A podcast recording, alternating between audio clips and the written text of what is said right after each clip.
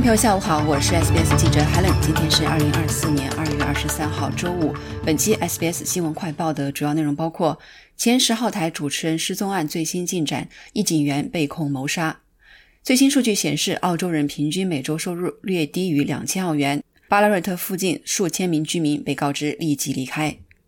西南威尔士州警方称，一名二十八岁的警官面临两项谋杀指控，他被拒绝保释。二十六岁的前十号台节目主持人杰西·贝尔德及其二十九岁的澳航空乘男友卢克·戴维斯于周一在悉尼东部失踪，此后两人杳无音信。警方表示，他们仍在努力寻找尸体。这名男子于周五的上午十点半后不久来到邦迪警察局自首。本周三，在悉尼南部郊区克罗纳拉的一个垃圾箱中，发现了属于贝尔德和戴维斯的物品。之后，两人的失踪被视为可疑。这一发现让警方找到了贝尔德满是血迹的合租屋，那里距离内城区帕丁顿约三十公里。周五早些时候，新南威尔士州警方表示，侦探们正在调查有第三人可能协助调查的线索。周四晚十一点半左右，警方在悉尼内西区巴尔曼的一处住宅执行了搜查令，并查获了一些物品。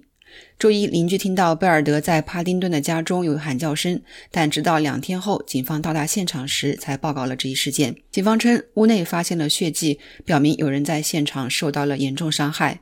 贝尔德的 WhatsApp 账户在周二晚间仍处于活跃状态，因此警探们呼吁他在可能的情况下站出来。刑侦警司 Jody Radmore 周四说：“如果杰西看到了这些消息，我们希望他能与我们联系，也希望任何可能知道杰西下落的人与我们联系。”警方随后表示，经过调查，他们相信第三名男子可能会协助调查。贝尔德曾经在早间节目 Studio Ten 中担任主持人，而最近他则作为 AFL 和 VFL 比赛的守门员出现在赛场上。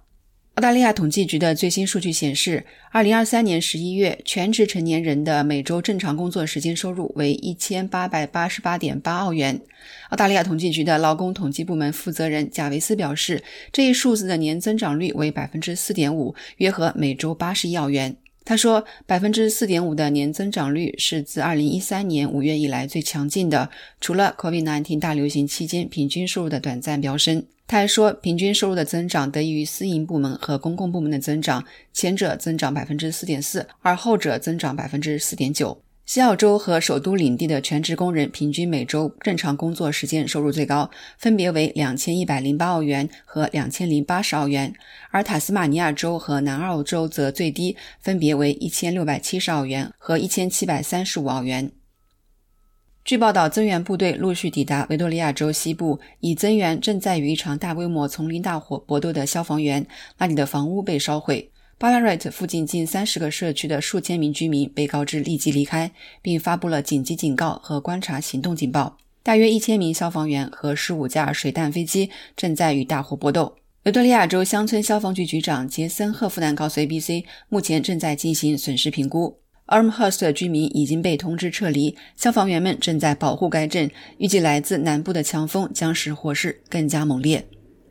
好了，感谢收听本期的 SBS 新闻快报，我是记者 Helen。欢迎您在苹果播客或 Spotify 搜索“新闻快报”，点击订阅，开启消息提醒，即可了解澳洲国内外新闻及社区信息。祝您周末愉快！